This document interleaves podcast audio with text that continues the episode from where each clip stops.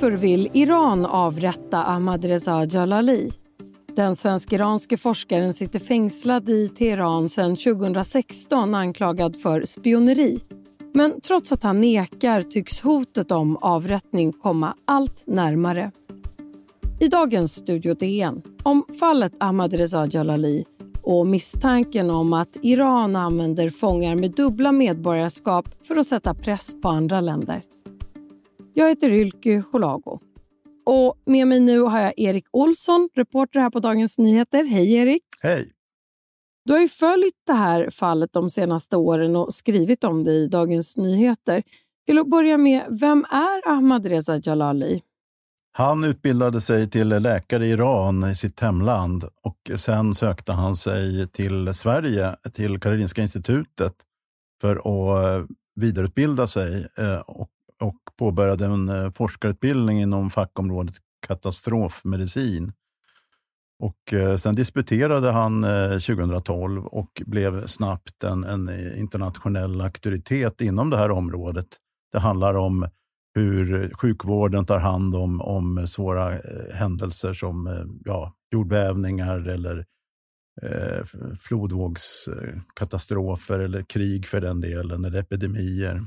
Och Sen 2008 då så bor han i eh, Sverige med sin familj. Men 2016 så reste han tillbaka till eh, Iran för att medverka vid en konferens och greps då och har sedan dess suttit i det ökända Evinfängelset eh, och är dömd till döden för spioneri. Hur ser omständigheterna ut eh, där? Hur gick det till när han greps i Iran?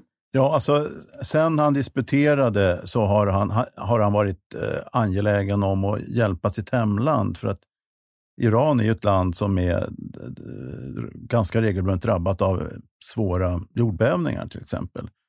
Och eh, hans eh, doktorsavhandling var också en jämförelse mellan, mellan eh, hur eh, beredskapen i Sverige och i Iran. Så han har re regelbundet åkt tillbaka till Iran och varit med i workshops och seminarier och försökt att hjälpa sitt land. Och Det gjorde han då också i april 2016. Eh, eh, han var eh, inbjuden till eh, universitetet i Teheran. och, men då blev han gripen av Säkerhetspolisen. hans familj visste inte vad han hade inledningsvis inte var han befann sig någonstans. Men så småningom fick de då reda på att han, att han satt inspärrad i fängelse för eh, och anklagad för detta brott och som är belagt med dödsstraff i Iran. Och den 21 maj, alltså under helgen som gick här, så hade Iran sagt att en avrättning var inplanerad. Så blev det ju inte nu. Istället pågår någon slags eh, väntan eh, och vi vet inte riktigt vad som händer. Erik, hur tolkar du det här agerandet från Irans håll? För det första så har det inte satts något nytt avrättningsdatum. Eh, och varför det? Ja, man, det är ju ett politiskt spel. Man kan ju föreställa sig att eh, iranska myndigheter, eh, om man nu ska uttrycka sig drastiskt, ja, tycker att Jalali är mer värdefull levande än död. Att han då skulle användas som någon bricka i ett, i ett, ett spel. Och Han nekar ju till de här anklagelserna och säger att den bekännelse som används emot honom, som han har gjort, har eh, kommit till under tortyr, att den är framtvingad. Hur eh, har den rättsliga processen sett ut? Har Ahmadreza Jalali tillgång till advokat och hur har rättegångarna gått till? Berätta. Ja, till en början så, så satt han ju bara isolerad. Han visste inte vad han anklagades för. Alltså, spion, spionanklagelsen kom ju senare. och eh, eh, han fick inte tillgång till eh, advokat eh, och när han så småningom fick det så blev det en massa problem med det. och eh, Så småningom när det blev rättegång så förde han sin egen talan. Eh, så det har det varit en, eh, en, en massa rättsosäkerhet kring, minst sagt. Eh, och sen på, på grund av, av, att han inte alls omfattades, att han nekade och inte förstod någonting om anklagelserna, så inledde han en hungerstrejk. Och eh, det for han ganska illa av. Alltså han fick eh, mag tarmproblem, han har haft dåliga blodvärden, han har fått, haft ett obehandlat brock. Och det här har han lidit av i flera år och inte fått tillräcklig sjukhusvård. Så det har varit besvärligt, minst sagt, för honom. Amnesty International har ju granskat det här fallet och du har intervjuat dem om granskningen och de drar ju slutsatsen att eh, det här fallet kan handla om en slags strategisk kohandel där fångar används av Iran i andra syften. Vad, vad bygger de här eh, misstankarna på? Ja, till att börja med, då, så, så eh, varför, an, varför engagerar sig Sverige i det här överhuvudtaget? Jo, eh, Jalali och hans familj de fick ju uppehållstillstånd i Sverige, permanent uppehållstillstånd. Och eh, ett år tror jag det var in på hans fängelsevistelse så blev han också svensk medborgare och hade därmed dubbelt medborgarskap. Men det här erkänner inte Iran. De erkänner inga dubbla medborgarskap, utan för honom är, är han en iranier, punkt slut. Och, och, Det har ju legat honom i fatet. Eh, samtidigt som det finns, som du nämnde, då, Amnesty. De har kartlagt ett antal sådana här fall där, där eh, medborgare i andra länder, till exempel eh, eh, iransk-brittiska medborgare, har hamnat i, i den här situationen uppenbart fabricerade eh, anklagelser och, och, domar, hårda domar, som man sen har eh, använt, som du säger, då, i någon, de har blivit brickor i ett politiskt spel. Det finns ett aktuellt fall med en brittisk eh, biståndsarbetare. Hon dömdes inte alls till, till lika hårt straff som Jalali. Hon fick sex års fängelse, men hon Eh, hon fri, släpptes fri och sen så eh, i samband med det så löstes det någon ekonomisk tvist som, som ligger decennier tillbaka mellan Iran och Storbritannien som i korthet gick, det, eh, slutade med att eh, eh, Storbritannien fick betala i storleksordningen 40 miljoner kronor till Iran. Och sen, sen så erkänner ju inte Storbritannien det här sambandet, men det är ju ganska uppenbart att har, sakerna har med varandra att göra. Och då tänker man sig att, att eh, Jalali skulle användas på ett liknande sätt, för det finns sådana fall i Sverige också. Ja, vad, vad handlar det om?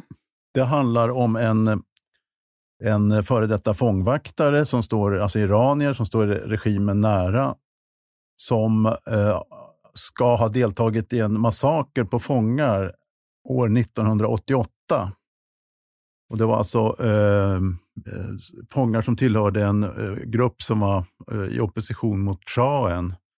Den här mannen han greps 20, i november 2019 på Arlanda när han var på väg till Sverige. Eh, och då använde man sig av den här universella jurisdik, jurisdiktionprincipen. Alltså att en, en medborgare, en person som är, är anklagad för krigs eller människorättsbrott ska eh, ett land lagföra, även om vederbörande inte är medborgare i, i, i det landet. Om du förstår vad jag menar.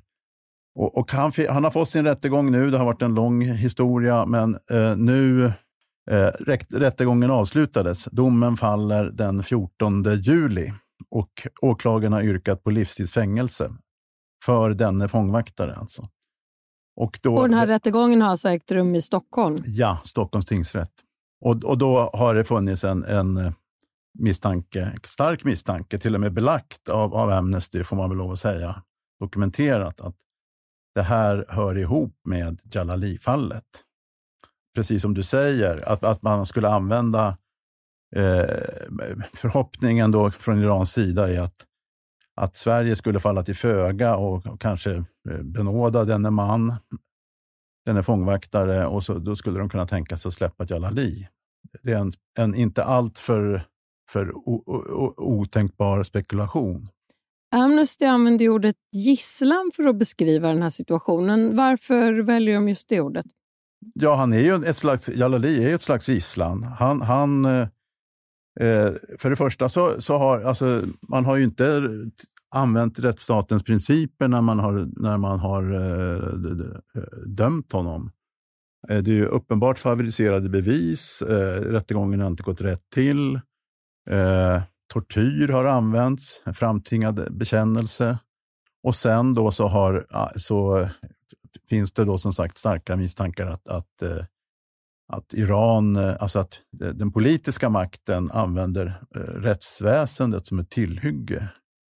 Och det är ju liksom, det är, det är så långt ifrån eh, ja, rättsstat man kan komma. Och vad har fallet Jalali väckt för reaktioner? Alltså det har väckt starka reaktioner bland hans kollegor och då ska man veta att han, han är, det här är ett internationellt fackområde. Han blev ganska snabbt en, en internationell, ja om inte auktoritet så i alla fall ett äh, internationellt namn inom det, det här området. Han har eh, eh, forskat eh, både i Belgien och Italien, förutom i Sverige. Och framförallt i Belgien, men också i Italien, så, så har det här väckt eh, hans, alltså den orättfärdiga domen mot honom har väckt starka reaktioner på högsta nivå. Eh, och, ja, det har det gjort i Sverige också, framförallt bland kollegor. Men, men Amnesty har ju, här i Sverige engagerat sig och eh, ja, man har, man har helt enkelt eh, eh, trummat ihop en, en, en, ganska stark opinion för, för honom och mot eh, Irans behandling av honom. Och Det här är en fråga som har behandlats på um, högsta nivå. 2017 så reste dåvarande statsminister Stefan Löfven till Iran. Eh, du var ju med och bevakade det här besöket på plats. Hur uppfattade du tongångarna 2017 när det gäller det här fallet? Då mötte ju Stefan Löfven eh, Irans dåvarande president Rouhani. Och då fanns det, eh, det var, då började väl, då hade eh, Jalali suttit nästan ett år i fängelse. Och det fanns eh, starka önskemål, eh, krav får man säga, på statsministern att han skulle kon konkret ta upp det här fallet. Eh, nu, blev det ganska mycket mummel i skägget får man säga här. Han, han, eh, Stefan Löfven sa eh, på presskonferensen, pressmötet efter, efter att han hade träffat presidenten att ja, han tog upp människorättsfrågor, men han nämnde inte specifikt Jalali. Och du har ju varit med här i Studio DN och pratat om det här tidigare, jag tror att det är två år sedan, och faktiskt uttryckt Eh, ganska upprört kring eh, hur det här fallet har skötts. Irans utrikesminister besökte Sverige 2019 och sa då att man skulle citat, titta på fallet. Vad har Sveriges regering och diplomater gjort i det här ärendet egentligen? Hur ser du på det där idag? Eh, alltså, det, det som fortsatt gäller det är det man kallar för tyst diplomati. Alltså man markerar ingenting utåt. Och, eh, eh däremot, eh, bara häromdagen så fick jag ett uttalande ifrån, eh, från eh, utrikesdepartementet om, om att eh, det läggs ner ett hårt arbete i Stockholm, av ambassaden i Teheran och olika partners runt om i världen. Men det som är frustrerande för Jalalis anhöriga förstås, han har ju hustru och två barn här i, i, Sverige och hans kollegor runt om i världen, det är ju att konkret händer det ju ingenting. Och man skulle ju kanske kunna tänka, nu är inte jag diplomat, men man kanske skulle kunna tänka att man från Sveriges sida markerar hårdare eh, på något sätt. Man minskar något utbyte eller man tar något uttalande som tyder på att det här gillar vi inte. Och det skulle kanske i sin tur då väcka en starkare opinion mot Irans agerande. Och, och faktum är ju att, att andra regeringar har lyckats få hem sina medborgare. Det här som jag nämnde tidigare, en brittisk eh, biståndsarbetare som nu är hemma i, i, sitt, i ja, sitt nuvarande hemland Storbritannien. Men då i utbyte, förmodligen utbyte mot en stor summa eh, pengar. Då. Hur benägna tror du att Sverige är att Eh, ta till sådana medel för att lösa den här situationen?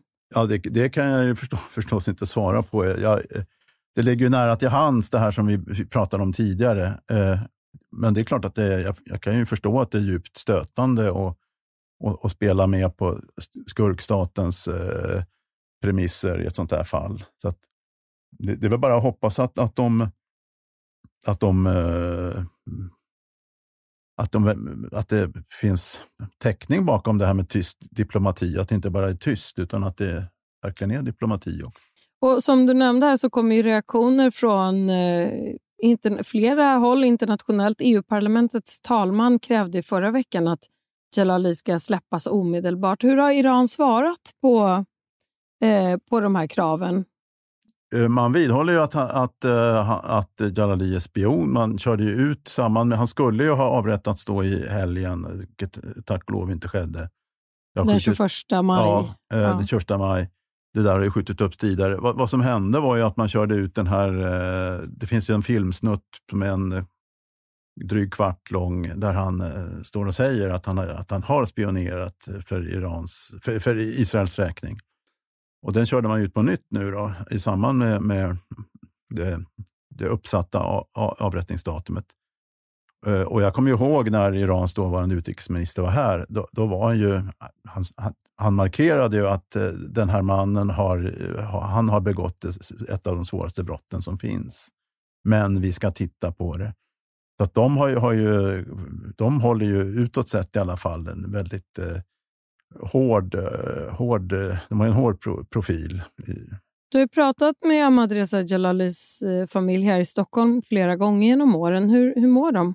Självklart så är det ju här enormt pressande. Det kan ju var och en tänka sig. Eh, dels mår han ju dåligt, han mår fysiskt dåligt. De har väldigt svårt att ha regelbundet kontakt. Det, där är väldigt, eh, det kan handla om någon minut varannan månad eller någonting i den stilen. Nu har de inte pratats vid på, på jättelänge. Och, eh, så att det är ju, och samtidigt så ska ju då vardagen eh, på något sätt vis lunka på. Det alltså jag är full av beundran att hon överhuvudtaget håller ihop kropp och själ, hans, hans hustru. Mm. Man pratar i två minuter, vad hinner man säga liksom, och vad kan man säga när man sitter i en dödscell? Liksom. Det är, mm. så att det är ju som sagt en, en väldigt, eh, väldigt slitsam situation. Den 21 maj, ett datum som redan har passerats nu, eh, skulle en avrättning ha ägt rum som alltså sköts upp. Så det är en väldigt svår väntan nu. Vad kommer att hända? Eh, och vad kan tänkas krävas för att eh, Ahmadreza Jalali ska släppas? Vad tror du? Vad som händer nu vad som, eh, det, det är att eh, hans advokat har lämnat in en begäran om en ny rättegång. Och Det ska iranska rättsvårdande myndigheter ta ställning till. Så Det är det man, man väntar på. Och Sen har ju Sverige då, har ju upprepade gånger krävt att eh, Jalali ska benådas av humanitära skäl. Så, så det, man går och väntar på att eh, ja, iranska maktetablissemanget ska, ska reagera helt enkelt. Tack så mycket Erik Olsson, reporter här på Dagens Nyheter. Tack. Om du vill kontakta oss så går det bra att mejla till studiodn e. Och kom ihåg att prenumerera på Studio DN där du lyssnar på poddar så missar du inga avsnitt. Studio DN görs för Podplay av producent Palmira Minga. Ljudtekniker Patrik Miesenberger, teknik Oliver Bergman på Bauer Media och jag heter Ylke Holago.